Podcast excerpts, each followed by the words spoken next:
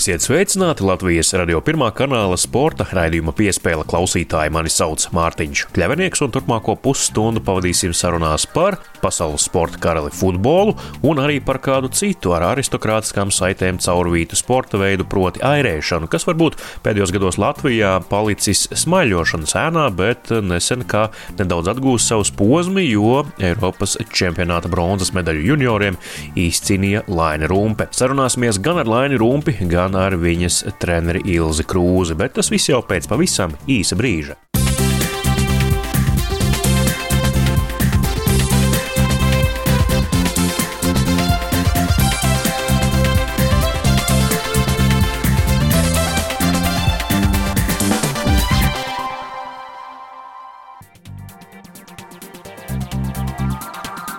Skan sporta raidījums piespēle studijā Mārtiņš Kļavinieks, airētāja Laina Rumpe pagājušajā nedēļā Minhenē izcīnīja bronzas medaļu Eiropas junioru čempionātā. Augustā viņa izcīnīja 4. vietu pasaules junioru meistarsacīkstēs. Raidījums piespēle devās sagaidīt Laina Rumpi un viņas treneri Ilzi Krūzi lidostā Rīga, bet pēc tam aprunājās arī ar Latvijas airēšanas federācijas vadītāju Henriju Bukavu.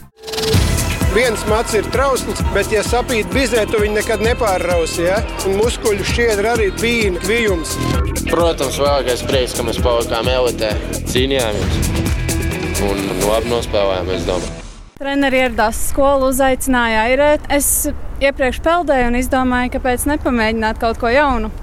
Un tā nu es nonācu vairēšanā. Sanāca izlikties mm, liels nogurums pēc sacensībām. Un, Peldēšanā man bija grūti sasniegt tādu nogurumu. Tieši šis nogurums bija ļoti patīkams, un viss sasniegumi un smagais darbs atmaksājās, tāpēc tas ļoti patika. Tev uh, lieliska sērija, panākuma sērija, teiksim tā, pasaules čempionāts, 4. vieta, tagad Eiropas čempionāts bronza.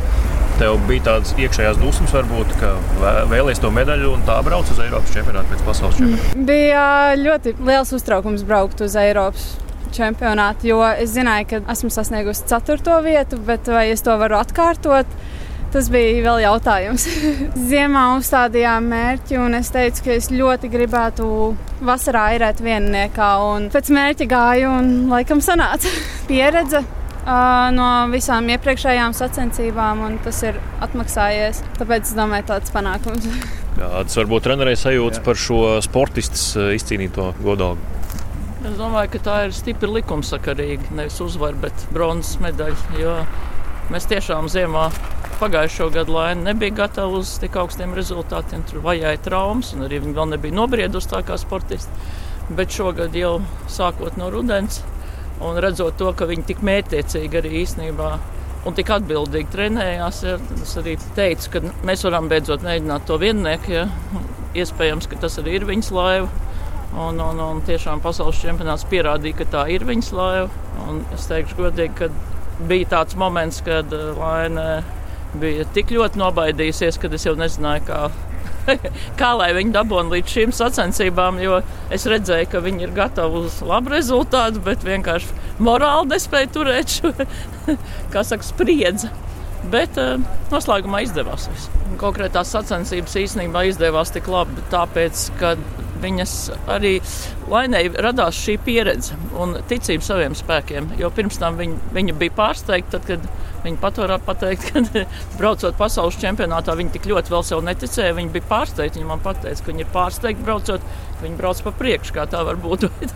Īsnībā tur nekāda pārsteiguma nebija, jo viņi bija ļoti tam gatavojušies un ļoti strādājuši. Mēs bijām daudz. Vēl to vēsturi drusku pastāstiet no treneris perspektīvām, kā ir no peldētājas izveidot airētāju. Ko tas mākslinieks jāsāk mīcīt no, kura, no kuras puses? Ziniet, tas ir īstenībā ļoti pateicīgs darbs. Jo paldies Lainas pirmajiem peldēšanas treneriem, Jālgaus trenerei, kas ir bijusi ļoti stingra un viņa ir trenējusi. Ir pateicīgs darbs, jo ir šī ūdens sajūta. Jo tas ir sportists, kurš izējot uz ūdens, man pirmajā gadā teica, kā man patīk airēt. Es neatceros nevienu citu, kurš man braukt garus kilometrus mocītos. Tas īstenībā ir grūti ļoti. Un teikt, kā man patīk airēt.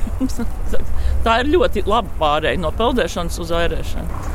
Es domāju, absolūti ļoti liela mērķtiecība un um, sistemātiskums. Viņā ir piemīta sistemātiskums, viņa ir neatlaidīga.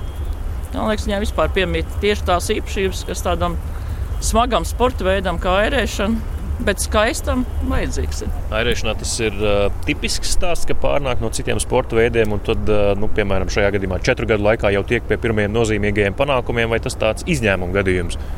Tas ir diezgan tipisks stāsts arī pasaules tādā uh, līmenī, un arī pieaugušo līmenī. Nu, pieaugušo līmenī neviens neienāk, bet U23 līmenī ienāk. Un uh, ienāk uh, konkrēti pamatā no peldēšanas vai no izturības sporta veidiem. Teiksim, tās ir vidus distanču skrejēji, vēl varbūt riteņbraukšana, varētu būt slēpošana distanču. Lai nekas tālāk, tagad droši vien tu gribi apjaust to, ko tu esi paveikusi. Kāds ir tuvākais plāns vēl šī gada izskaņai? Nu, šobrīd atgūt enerģiju visu padarīto darbu, apdomāt, izvirzīt nākamos mērķus, kas pagaidām īsti vēl nav skaidri, bet uh, kopā ar treneru apspriesties, un tad jau redzēs. Nu, Olimpiāda ir Olimpiskās spēles. Tas ir katra sportista sapnis. Es domāju, jebkurš sportists gribētu nonākt tik augstu, bet tas ir liels darbs. Jā, nu tas ir protams, ļoti īpašs notikums airēšanas sportam Latvijā. Jo Mēs esam ilgāku laiku esam bijuši bez medaļām. Šis sporta veids ir kaut kādā veidā garākā laika periodā cietis.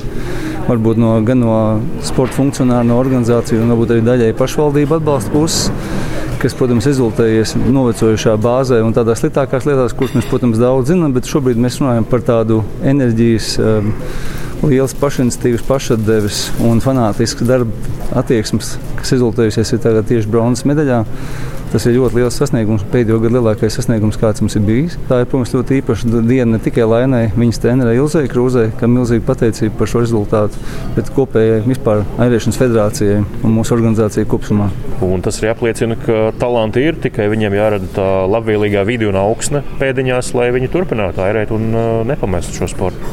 Jā, protams, šobrīd airēšanas sporta veids cīnās vēl ar 50 labiem sporta veidiem, kuriem arī ir talanti un savs izredzes. Bet airēšana ir pirmkārt jāatcerās, tas ir olimpiskais sporta veids. Tas ir ļoti nozīmīgs sporta veids pasaulē. Un, e, šobrīd nāk daudz jaunu bērnu. Šis ir vēlīnais sporta veids, kur airēšanas sportists sāk pievērsties no vecumā no 12, 13 gadu vecuma. Un tāpēc mums ir jāiekaro savu vietu un jānocīna, lai šie sportisti pirms tam būtu fiziski labi jau sagatavoti tādos sporta veidos kā vieglatlētīga peldēšana un pievērstos airēšanai. Jo arī Laina ir apliecinājums tam, ka sāk faktiski airēt četrus gadus atpakaļ, pārnākot pie mums no peldēšanas. Mēs redzam, ka četru gadu laikā viņi var tikt līdz šādam rezultātam. Principā tad darbs, tehniskais aprīkojums, sportistu paša griba un pašadeve ir rezultējies šodien medaļā uz viņas kakla. Kas vispār ir jūsu rokās? Kādi instrumenti, lai viņus noturētu tad, kad uh, tiek pabeigta vidusskola, sākas studenta dzīve, gribas meklēt darbu, kaut ko stabilāku, ne tikai airēt. Kādi ir tie instrumenti pagaidām jūsu rokā? Jā, būtībā mēs šobrīd tieši par to aktīvi diskutējam. Tas ir viens no punktiem, stūrakmeņiem, uz ko es arī koncentrējos savā prezidenta vēlēšanās pusgadu atpakaļ, kad startēju šo amatu. Un, uh, airēšana nav unikāla šajā ziņā sporta veids. Principā visi sportisti Latvijā, kas sasniedz 18 gadu vecumu un tālāk sāk studēt augstskolās, viņiem ir izšķiršanās vai saglabāt sevi sportā, vai tomēr pievērsties jau teiksim, ar darbu un studiju gaitām, kas ir grūti apvienojams. Un, protams, valsts finansējums un atbalsts nāk tajā gadījumā, ja rezultāti ir. Un, un mēs redzam, ka tiek valsts novērtē un apbalvo tos sportistus, kas sasniedz rezultātus gan olimpiādē, gan arī čempionātos. Bet, protams, ka ir diezgan liela loma tam to sportistu saglabāšanai, lai viņi neatstātu šo sporta veidu. Un, protams, ka daļa no viņiem var studēt ārzemēs, kur ir šī airēšanas tradīcijas ilgstošas, un viņi var turpināt un attīstīt sevi šajās augstskolās tur. Bet viņi, mēs viņus zaudējam kā, kā mūsu studentus, kā mūsu iedzīvotājus. Protams, viņi ir pārstāvēt Latviju un cerams, ka daļa no viņiem to arī darīs starptautiskās sacensībās. Bet mums šobrīd ir liels izaicinājums priekšā ne tikai saku, mūsu sportam, bet kopumā Latvijā, kā, kā noturēt šādus sportus. Un viena no mūsu pirmām iniciatīvām ir sadarbības uzsākšana Latvijas universitātēm, tad Rīgas Tehnisko un Valsts universitāti par airēšanas sekcijas izveidi pie šīm universitātēm, atjaunošanu. Pagaidām mums ir tikai iedīgi, pirmie memorandums, pirmie centieni. Mums nokomplektēts treneru sastāvs, kas to varētu nodarboties. Šobrīd ir ļoti svarīgi popularizēt šo sporta veidu, lai jauni cilvēki saprotu, ka airēšanā ir liels, varbūt kaifs, pat vairāk lielāks ir sēdēt laivā nekā viņu skatīties no malas kādreiz. Tāpēc šis sporta veids skatāmība prasa daudz televīzijas iesaisti un, protams, daudz kameru un daudz publikas uzmanības, bet airēšana pat ir ļoti noturīgs izturības sporta veids. Un, es ceru, ka mūsu centieni rezultēsies garākā periodā. Varbūt iespējams, ka mēs pat redzēsim Daugavā sacensības starp Rīgas Tehnisko un Latvijas universitāti, kas būs iespēja labi sportistiem turpināt savus gaitas pēc vidusskolas un mūrjāņu pabeigšanas. Nu, šobrīd jebkurš sporta veids pasaulē cīnās, kā es teicu, par lielāku uzmanību. Tāpēc arī airēšana šobrīd ir, ir izveidojusi dažādas jaunas disciplīnas, un sprints ir viens no tām disciplīnām. Mums nākamajā gadā ļoti nozīmīgs notikums Latvijas airēšanas sportam Latvijā 150 gadi. Mēs esam iecerējuši vairākus pasākumus rīkot tieši par, par godu šim notikumam, un arī 150 metru sprinta airēšana varētu būt šādas paraugu sacensības četrās lielākajās pilsētās - Jālgavā, Daugopilī, Rīgā un Jurmalā. Vietās pie ūdeņiem, kur ir atrodas četras pamat lielākās uh, iespējas nodarboties ar šo sporta veidu un arī sporta skolas. Tā kā, protams, ka jaunu disciplīnu meklēšana, veids, kā popularizēt šo sporta veidu, padarīt viņu skatāmāku, dinamiskāku, ir arī šī sporta veida teiksim, attīstība. Un tādas lietas kā jauna disciplīnas, kas attiecās uz iekštelpu airēšanu vai kas attiecās uz tā saucamo kostalu, ja piekrastes airēšanu, ir vēl divas jaunas jomas, kuras arī Latvijā ir, teiksim, varbūt nevar teikt, galīgi nav attīstītas, bet tas ir iespēja viņiem, kur attīstīties, jo šo iekštelpu airēšanu vairāk tiek pārņemta crossfit, teiksim, tie varbūt tas vairāk ir crossfit elements, var teikt, jā, bet, bet viņš, ir, viņš ir pazīstams un atpazīstams. Savukārt piekrastes airēšana, man liekas, ka brīnišķīga iespēja ir mūsu piejūras pilsētām.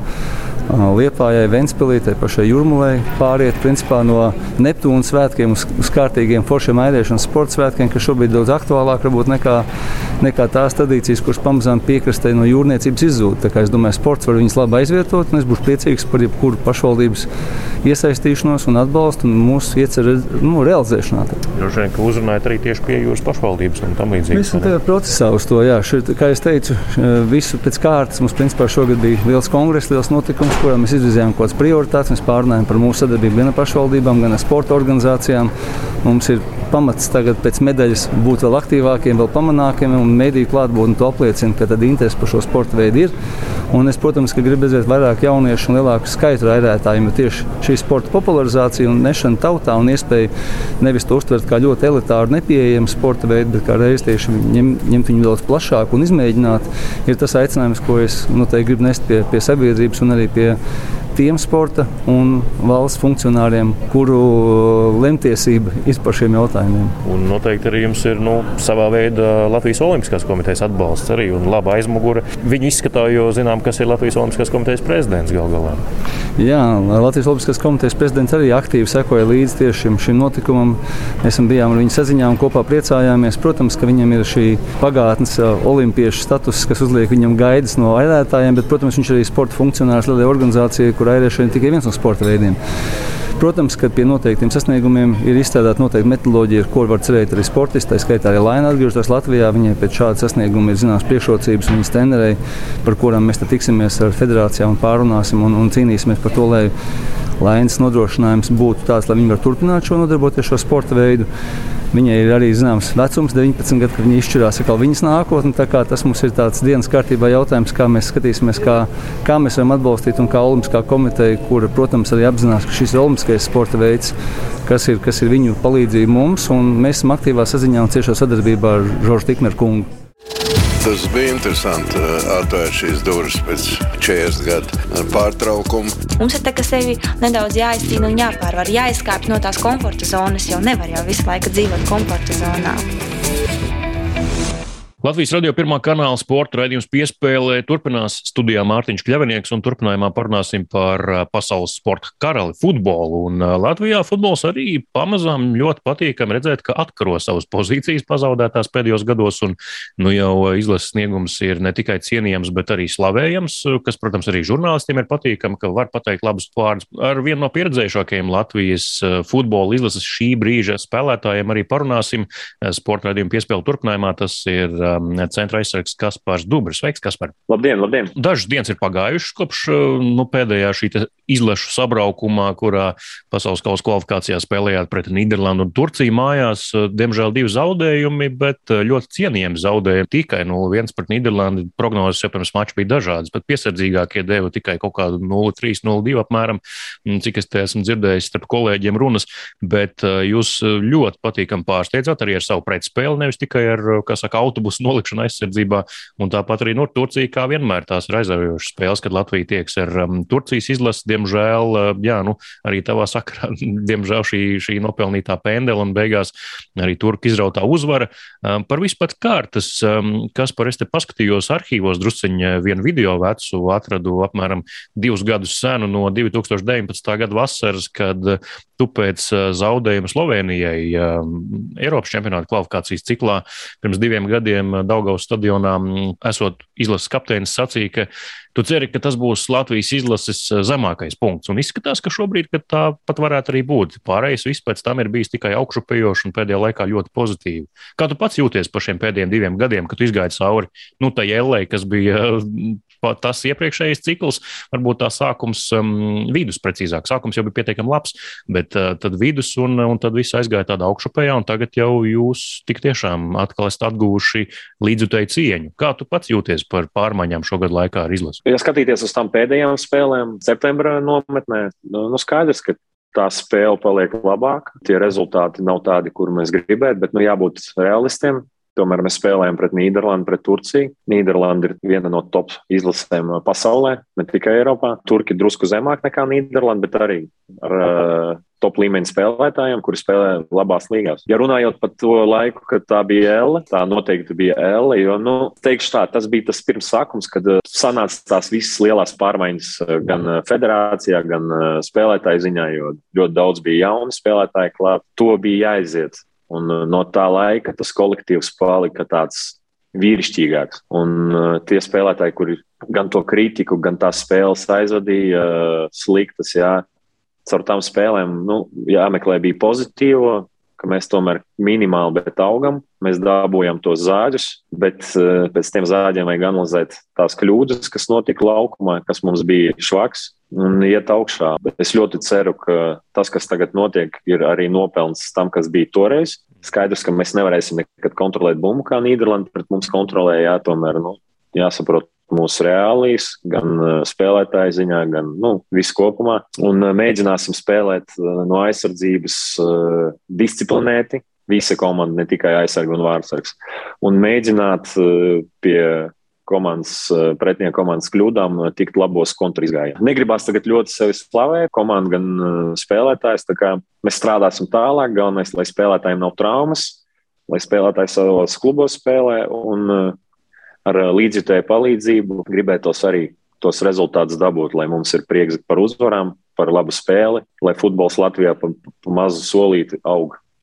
Jā, nu es par domāju, ka šis ir brīdis, kad droši var jūs slavēt, jo jūs to esat pelnījuši. Nu, skaidrs, ka nevajag jau gluži slavas dziesmas dziedāt, uh, fināla turnīrā nesat iekļuvuši, bet uh, ļoti labs vārds noteikti esat pelnījuši savā virzienā. Bet uh, tu jau minēji šo posmu, kas bija nepatīkams, kad spēlējāt slikti, kad tie rezultāti bija tādus, ko gribējās vispār neredzēt un aizmirst jau pēc minūtes.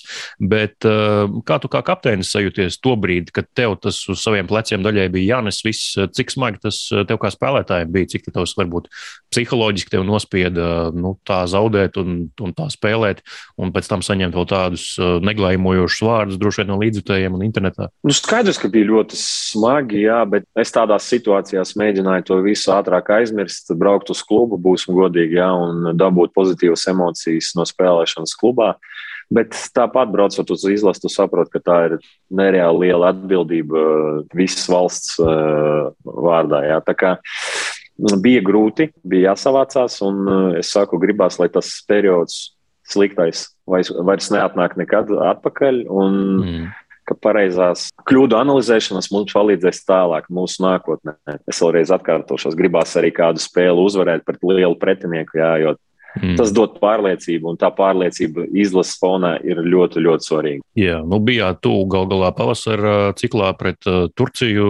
Lielisks rokenrols laukumā pozitīvā ziņā 3 pret 3. Bija viens brīdis, kad kaut kāds klikšķis notika, kad jūs sapratāt, kuras tās pareizās lietas, kas jādara. Tas varbūt kaut kā mainījās līdz ar Dāņa Kazakeviča stāšanos pie izlases stūres. Kaut kā varbūt viņš tos akcentus pamainīja. Kā tu saredzi, kur tad tas kā Dainis saka, vektors sāk iet pozitīvajā virzienā. Tā, tas punkts bija smagākais. No, no tā bija jāsāk visu jaunu, kurš izietu tādu Elli, ne, nepalaist rokas lejā. Atnākšana tren, jaunā trenera, es domāju, arī pozitīvs bija. Parādījās kolektīvs komandā. Es domāju, ka tas ir viens no svarīgākajiem faktoriem, jo tomēr mēs neesam individuāls sporta veids. Mums jābūt kolektīvam, kad viens pa otru grauzīs to zemi. Pēdējās spēlēs, ja tur neņemsim to Vācijas spēli, mēs daudz ļoti neielaižam vārtus. Mm. Jo visa komanda cīnās līdz galam. Tas jau galvenais. Jāsāk no aizsardzības, disciplīna, un tad jau jādomā par, par pretspēli. Jo nu, tajā ciklā, kad tā L bija, tad nu, mums bija gan aizsardzībā ļoti liels problēmas, gan nerunāsim par uzbrukumu. Tur vispār mm. mums nekas nesanāca. Ne, nu, vēl tās divas spēles mums palika, bet uz nākamo gadu, ja domā, tad cerams, ka tas viss būs noslīpēts, un mēs mēģināsim jau arī priecināt mūsu līdzjutējus, gan pašus, gan mūsu ģimenes ar ar pozitīviem rezultātiem. Nu, Kazakievičam un viņa palīgiem, es domāju, ka drusku ir vieglāk nekā ārzemju treneriem, jo tomēr viņi visus tos futbolistus pazīst. Jo nu, tomēr tiem ārzemju treneriem nebija laiks. Nu, viņiem prasīja uzreiz rezultātu. Uh, viņi riskēja, bet nu, sanāca tā, kā sanāca. Bet, principā, jau Latvijā daudzās nu, sporta spēļu komandās, kurās runā par ārzemnieku kā galveno treneru valsts vīru izlasēju min argumentu, ka viņš nāks ar jaunu skatījumu, viņ, viņam visi spēlētāji būs kā baltas lapas, nebūs aizspriedumu, tāpēc varbūt vairāk uh, spēlētāji varēs atvērties un tam līdzīgi. Tad tu tomēr uh, pieļauj, ka šajā gadījumā futbola izlasē tomēr labāks ir vietējais, nevis uh, ārzemnieku stratēģija. Nu, ja ārzemnieks atnāk, tad uh, viņam jādod laiku jo viņam tomēr jāsaprot, kas pa spēlētāju, kāds viņam raksturs ir, kādas labas īpašības, kādas sliktas. Tā izlases vadīšana specifika ir citādāk nekā klubā. Tev tomēr nav tik daudz laika. Tev visu jāizlemj ātri, un, un, un, protams, no tevis arī prasīs rezultātu. Tu esi ārzemnieks, tev ir laba alga, jāsaprot arī mūsu mentalitāte. Viņi ir atšķirīgi nekā ārzemju treneri, kuri bija gan tas uh, Soms Patelēnins, gan Stajanovičs Slovēns, viņš tāds serbs. Viņi, viņi tādi ir um, ļoti uh, karstasinīgi, ja, un viņam tās emocijas. Bet tomēr mūsu mentalitāte nav tāda. Mēs esam uh, mierīgāki tādi un uh, drusku cita pieeja pie mums. Tāpēc es saku, ja ārzemnieks ir, tad noteikti viņam jādod divi, trīs gadi. Tas manā skatījumā. Bet nu, izlasē neviens negaidīs, jo visi grib rezultātu. Ja tas rezultāts ir plus mīnus ok, un vadība LFF ir apmierināta, tad varbūt dos laiku. Bet tā kā sanāca gan ar Patelēnu, gan ar Stajanoviču, nu, nebija ne spēles, nebija ne, nekas. Nebija. Nu, mēs gājām ārā, darījām, ko varējām, un mums nekas pilnīgi nesanāca. Paši varbūt kolektīvā jutāt, ka gan Miksu, kurš ir Soms, bet tu jau minēji pēc temperamentu vairāk laikam tomēr Skots, un, un tas pats Stojanovičs, ka viņi drusku bija apmaldījušies un nezināja, kuros brīžos ko darīt un, un kādus risinājumus pielietot? Pie Mikso es domāju, ka viņš, eh, viņam, viņam bija jādod laiks. Es domāju, ka viņš varētu līdz mums eh, to informāciju, ko, ko, ko viņš grib redzēt, to, tās schēmas, ko viņš grib laukumā redzēt, līdz, mums, līdz mūsu galvām aiznest to informāciju. Bet pie Stojanoviča tomēr viņš atnāca, viņš domāja, ka viņš tulīt atnāks, eh, ieliks spēlētājs pozīcijās un visu darīs viņu. Bet, nu, diemžēl mums nav tādas kvalitātes spēlētāji, kuri var individuāli dabūt rezultātu. Mēs esam tā izlase, kur viens pa otru un katrs pa mazam ķieģelītim pienesīs, un tas dos kaut, kādu, kaut kādus augļus. Tās bija tās problēmas. Jā. Un, kad Stojanovičam tas neaizgāja, viņš drusku arī tāds bija. Jā, es domāju, ka viņš drusku tāds, viņam bija prāts tāds pazaudēts. Viņš nesaprata, ko jādara, kas jādara. Un, Kaut arī tās divas pēdējās spēles pret Sloveniju un Austriju bija ok, bet tas kopējais fons bija diemžēl, diemžēl ļoti slikts. Par aktuālo pasaules kausa ciklu. Nu, arī sākums eh, labs eh, skonto pret uh, Melnkalni. Tur arī tomēr veiksme, atkal jau veiksme.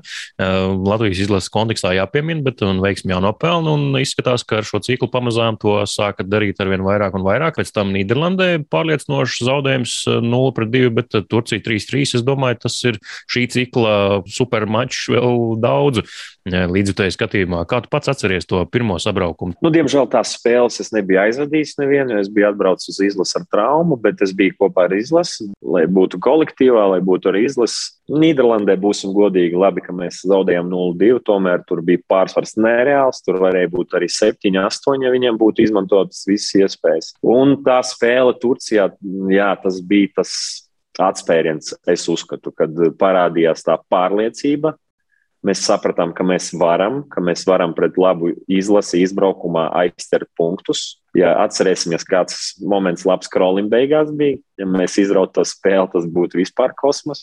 Es uzskatu, ka tā spēle bija tāds atspēriens, deva pozitīvo tieši pārliecībā, jo, nu, būsim atklāti, mēs neesam tik švaki spēlētāji, ka mēs nevaram atdot viens otram piespēli. Tas tikai ir galvās. Jo treniņos mums tas diezgan viss labi sanāk. Es spēlēju gan izlasē, gan klubu rindās. Es varu atšķirt spēlētājus, kuri var iedot spēju piespēlēt, kuri ir pārliecināti par sevi.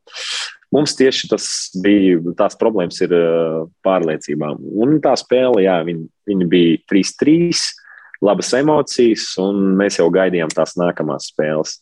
Tu pats kaut gan nespēlēji tajā pirmajā spēļu trīniekā, arī saņēmi kaut kādas labas atsauksmes. Droši vien jau, ka internetu vidē kaut kādas ziņas eh, līdz tevīm arī atnāca eh, no līdzstājiem vai no, no, no vienkārši kolēģiem, eh, citiem futbolistiem, kur nespēlē izlasē. Jā, jā, protams, protams, man visu laiku kāds raksta, gan parasti līdzjutēji raksta, es visiem atbildu mierīgi. Ja pat slikta spēle, es eh, varu izlasīt kritiku. Ja tā kritika ir normāla, adekvāta ar faktiem, es, es esmu adekvāts cilvēks un es to kritiku pieņemu. Kā, nu, man nekāda problēma ar to nav. Un eh, cilvēki, protams, rakstīja, ka patīkami bija noskatīties gan tagad tās divas pēdējās spēles. Nu, tik daudz man nebija nekad cilvēku rakstījuši, kaut arī mēs zaudējām. Un, un, Es biju tajā negadījumā, tajā pendelē, un cilvēki rakstīja un, un, un ļoti labus vārdus. Tā kā liels paldies viņam par to. Tas ir patīkami, īpaši, kad eh, tādā situācijā cilvēks eh, nokļūst, kā nu, man bija ar to pendeli. Tur arī Twitterī nu, rakstīja, ka tu esi gatavs eh, nu, saka, uzņemt kritiku uz, uz sevi. Bija vairāk tiešām proporcionāli labu vārdu nekā kritisku piezīmi tavā virzienā par to Turcijas spēli. Vienīgi, kas man kritizēja, man Instagrams pilns bija ar turku iz, izlases faniem. Tas ir vienīgais. Tā kritika. Viņiem jau te bija jāslavē. Taču, Jā, bet tur nav skaidrs, ka viņi tur jokoja visādas uh, nepareizas un sliktas vārdas man nosūtīja. Bet no latviešiem, cilvēkiem, kurus ārzemēs bija spēlējis, man nāca ļoti labas uh, ziņas, ka nu, tas ir futbols un nekas nenotiek. Katrs cilvēks var kļūdīties vai nu būt tādā negadījumā, kā es. Tādu sitienu jāiztur. Un gadās, ka tu kļūdījies simtprocentīgi, tā ir tava vaina un viss. Bet te es eh, teikšu, ka uzbrucējs nospēlēja ļoti viltīgi. Tur nebija kā es nopļāvu viņu no kājām, un viss. viņš nospēlēja ļoti viltīgi. Viņš paķēra manu roku, sāka krist, un es viņam pakaļ. Un sanāk, ka es eh, kritu uz viņa muguras, pendeli. Pieredzējis uzbrucējs izmantoja iespēju, viņš jūta, ka es esmu no muguras. Viņš man drusku uz sevi pavilka, Es ātrumā sāku krist un uh, pendeli. Bet uh, vienīgais, uh, es, cik zinu, tad tiesnesis neredzēja šo momentu, kad uzbrucējs mani pavilka drusku uz savu pusi, jo var mm. parādīt tikai no muguras video, ka es uzkritu viņam uz muguras. Yeah. Tā kā nu, tāda situācija, to var dažādi analizēt, bet, nu, ja pendeli bija, bija, nu, tas nekas, es saku. Tā kļūdīties varēja katrs spēlētājs. Galvenais to pareizi pieņemt un, un, un ar galvu augšā iet tālāk, trenēties, strādāt un spēlēt. Pēc situācijas pendele bija, visticamāk, ka bija, jā, un bija jādod, bet uh, vairāk jautājumu vismaz man radās par to, cik lēni rit eh, tiesneša laiks viņa pulkstenī, jo nu, bija iedodas četras kompensācijas minūtes, beigās jūs astoņas nospēlējāt, un pendeli bija kaut kādā septītajā, nu, tīri pēc ekrāna laika.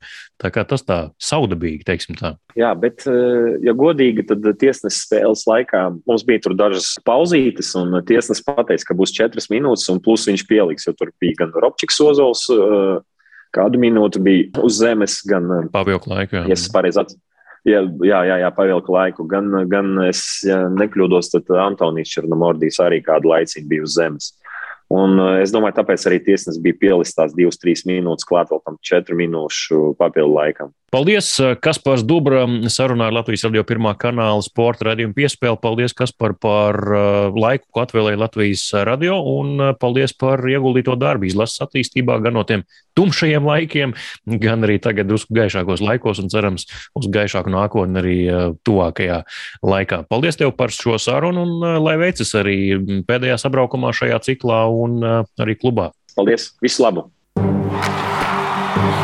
Līdz ar to arī izskan šīs nedēļas sporta raidījums piespēle. To veidoju un vadīju es, Mārtiņš. Kļavnieks vēl pirms atvados tikai atgādinu, ka raidījumu piespēle meklējiet jebkurā sev ērtā raidierakstu jeb podkāstu klausīšanās vietnē.